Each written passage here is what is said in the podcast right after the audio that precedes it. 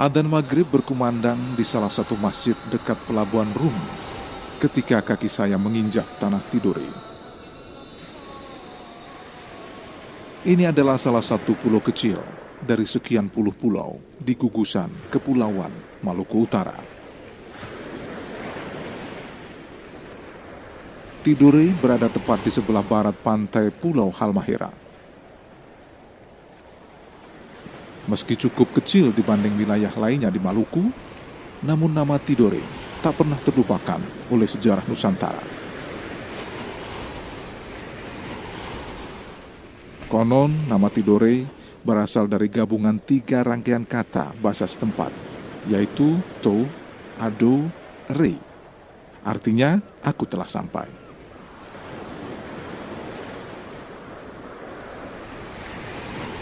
Sambil menunggu sholat isya, saya duduk di serambi masjid sambil mengamati laut.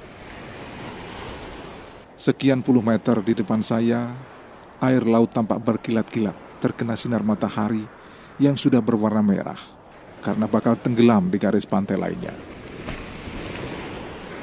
Mungkin dulu, ratusan tahun lalu, kapal-kapal Spanyol, Portugis, dan Belanda mendarat di pantai ini karena ingin menjarah kekayaan Tidore, yakni kopi, cengkeh, dan pala. Pulau kecil ini memang luar biasa. Usianya sudah mencapai lebih dari 900 tahun. Selama kurun waktu itu pula, Tidore menyimpan catatan panjang tentang jejak perjuangan Islam. Karenanya, tempat ini tidak akan pernah saya tinggalkan dalam ekspedisi jejak Islam Nusantara.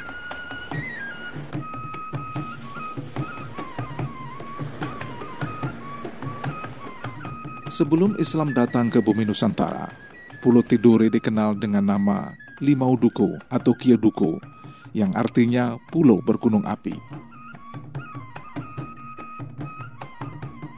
Penamaan ini sesuai dengan kondisi topografi Tidore yang mempunyai banyak gunung, bahkan yang tertinggi di gugusan Kepulauan Maluku. Masyarakat menamakan gunung itu Kie Marijang. Saat ini Gunung Marijang sudah tidak aktif lagi.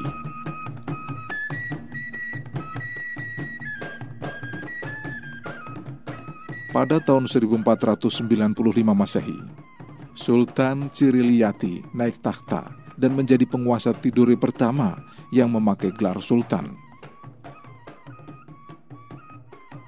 Meski ia memakai gelar sultan, namun diyakini jauh sebelum itu Islam sudah masuk ke Tidore. Ini disampaikan tetua adat Tidore, Muhammad Amin Faruk. Syahjat Muhammad Nakil sampai ke Sultan ke 9 itu kehadiran Syekh Mansur itu jaraknya cukup lama. Cuman Islam memang sudah ada. Dijalankan syariat-syariat Islam, cuma secara utuh itu belum. Sampai kehadiran Syekh itu lebih melengkapi lagi syariat-syariat Islam itu sehingga pada akhirnya uh, tercatat bahwa uh, rakyat Kesultanan Tidore telah memeluk Islam secara utuh. Saat itu pusat kerajaan masih berada di Gamtina. Ketika Sultan Mansur naik tahta, tepatnya tahun 1512, ia memindahkan pusat kerajaan dengan mendirikan perkampungan baru di Rum, Tidore Utara. Posisi ibu kota baru ini berdekatan dengan Ternate dan diapit oleh Tanjung Mafugugo dan Pulau Maitara. Dengan keadaan laut yang indah dan tenang, lokasi ibu kota baru ini cepat berkembang dan menjadi pelabuhan yang sangat ramai.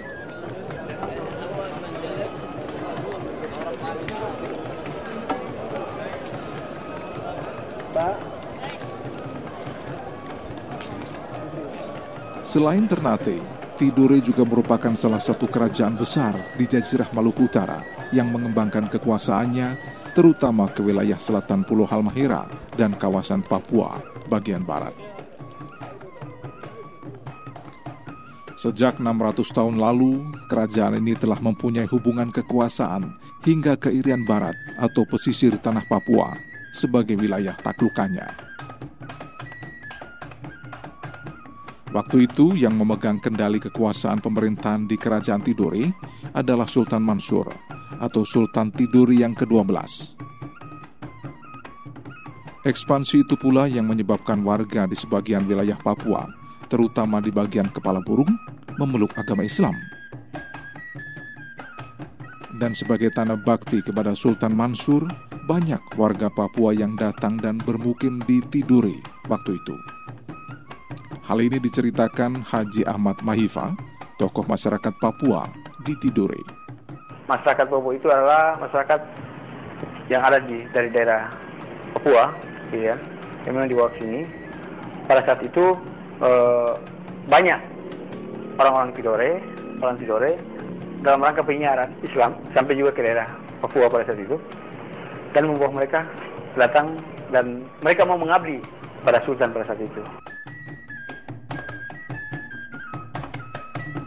Menurut Haji Ahmad Mahifa, selain Papua, pada masa pemerintahan Sultan Mansur, ia melakukan syiar Islam di pulau-pulau di sekitar Papua yang akhirnya masuk di bawah naungan kerajaan Tidore. Di antaranya adalah Pulau Gebe, Patani, Kepulauan Kei, Kepulauan Tanimbar, Sorong, Gorong, Maba, dan Weda. Kesultanan Tidore mencapai kejayaan pada masa pemerintahan Sultan Nuku alias Kaicil Paparangan yang oleh warga Tidore dikenal dengan sebutan Joe Barakati. Pada masa kekuasaannya di tahun 1797 sampai 1805, wilayah kerajaan Tidore mencakup kawasan yang sangat luas hingga mencapai hampir seluruh wilayah Papua. Tak hanya cukup sampai di situ, kekuasaan Kesultanan Tidore bahkan sampai ke beberapa kepulauan di Pasifik Selatan. Di antaranya adalah Mikronesia, Melanesia, Kepulauan Solomon, Marianas, Kepulauan Marshall, Ngulu, Fiji, Vanuatu, dan Kepulauan Kapita Gamarangi. Terbukti sampai saat ini beberapa pulau atau kota di wilayah Kepulauan Pasifik masih menggunakan identitas nama daerah dengan embel-embel Nuku. Seperti dikisahkan Tetua Adat Tidore Muhammad Amin Faruk. Sultan Tidore mempunyai wilayah seperti gadunya adalah Sultan Tidore. Karena bukti sejarah pulau-pulau di Pasifik di sana masih menggunakan nama Sultan Nuku. Nuku Maboro, Nuku Fitau, Nuku ini. Itu semua kan ada Kapita Gamrangi yang sudah proklamirkan kemerdekaan di bawah Amerika. Itu kan wilayah Sultan Tidore.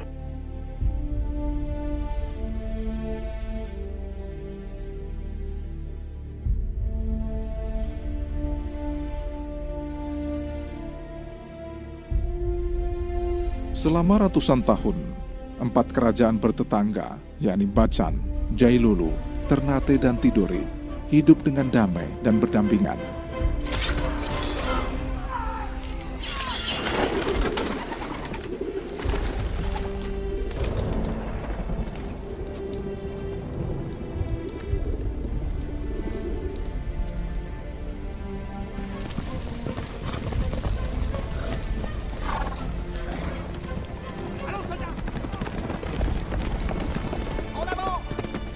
Namun kedamaian itu mulai terkoyak setelah Portugis dan Spanyol datang ke Maluku. Dua kerajaan besar, yakni Ternate dan Tidore, berhasil diadu domba. Akibatnya, antara keduanya terjadi persaingan, sehingga kedua bangsa Eropa itu berkuasa di Tidore dan Ternate.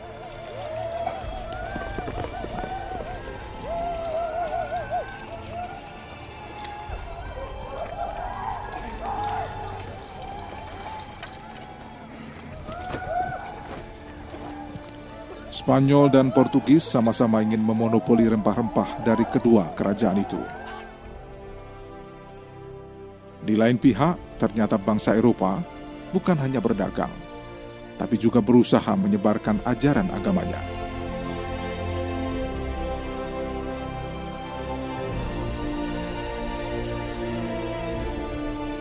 Jatuhnya Ternate dan Tidore ternyata berpengaruh besar pada sistem perdagangan dan politik dunia.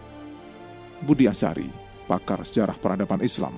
Dulu, orang-orang Eropa, kan setelah jatuhnya Andalus 1492, kan bumi ini masih dipimpin oleh muslimin yaitu oleh Turki. Dengan Ottoman atau Turki Utsmani. Di saat itu, orang-orang Eropa kalau mau membeli kopi, harus minta izin ke Turki Utsmani karena yang punya kopi banyak di antaranya Indonesia, Indonesia Muslim. Dan itu punya hubungan erat dengan Turki Utsmani. Tapi karena Indonesia kebobolan kemudian penjajah masuk ke Indonesia, yang terjadi Indonesia ini langsung diambil alih rempah-rempahnya oleh Eropa. Maka mereka mulai percaya diri. Nah, kemudian terjadi yang sebaliknya. Turki Utsmani ditekan oleh Eropa, kalau Anda mau kopi saya kasih tapi sekarang gantian karena kami sudah kuasai Indonesia. Ini persis pesan Nabi SAW. Nabi SAW sampai mengatakan begini. La ya'tila adu min qibalik. Jangan sampai musuh datang dari arahmu. Musuh tidak boleh masuk dari arah kita. Mungkin ibu kota Islam saat itu di Istanbul. Indonesia negeri jauh. Tapi karena ini bagian dari Islam, tidak boleh musuh jebol dari Anda. Karena efeknya sampai ke ibu kota. Betul kan? Akhirnya Turki Utsmani ketekan dari sisi kopi. Ini contoh bahwa Indonesia pernah punya peran-peran sangat luar biasa. Waktu Indonesia diserang oleh penjajah, Turki turun ke sini untuk menghadirkan kekuatannya saat itu.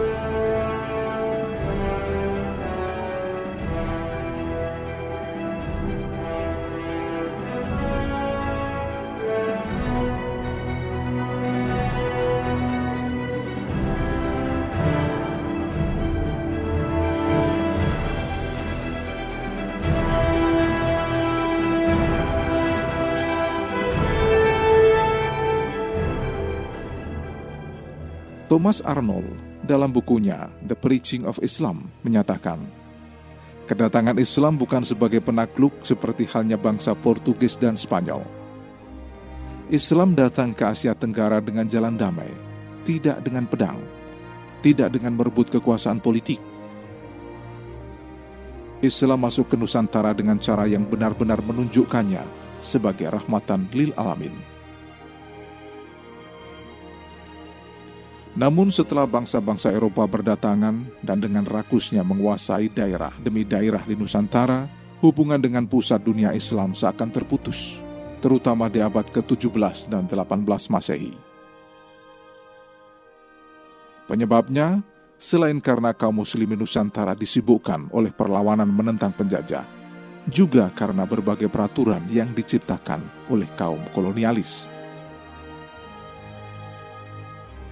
Setiap kali para penjajah menundukkan kerajaan Islam di Nusantara, mereka pasti menyodorkan perjanjian yang isinya melarang kerajaan tersebut berhubungan dagang dengan dunia luar, kecuali melalui mereka. Maka terputuslah hubungan umat Islam Nusantara dengan umat Islam dari bangsa-bangsa lain yang telah terjalin beratus-ratus tahun. Keinginan kaum kolonialis untuk menjauhkan umat Islam Nusantara dengan akarnya juga terlihat dari kebijakan mereka yang mempersulit pembauran antara orang Arab dengan kaum pribumi. Terlepas dari semua upaya jahat penjajah, ulama-ulama Nusantara adalah orang-orang yang gigih menentang penjajahan. Meski pada akhirnya setiap perlawanan berhasil ditumpas dengan taktik licik, tapi sejarah telah mencatat jutaan suhada Nusantara gugur pada berbagai pertempuran melawan penjajah. Sejak dimulai perlawanan kerajaan-kerajaan Islam di abad 16 dan 17 seperti Melaka, Sulu, Pasai, Banten, Sunda Kelapa, Makassar, Ternate, Tidore.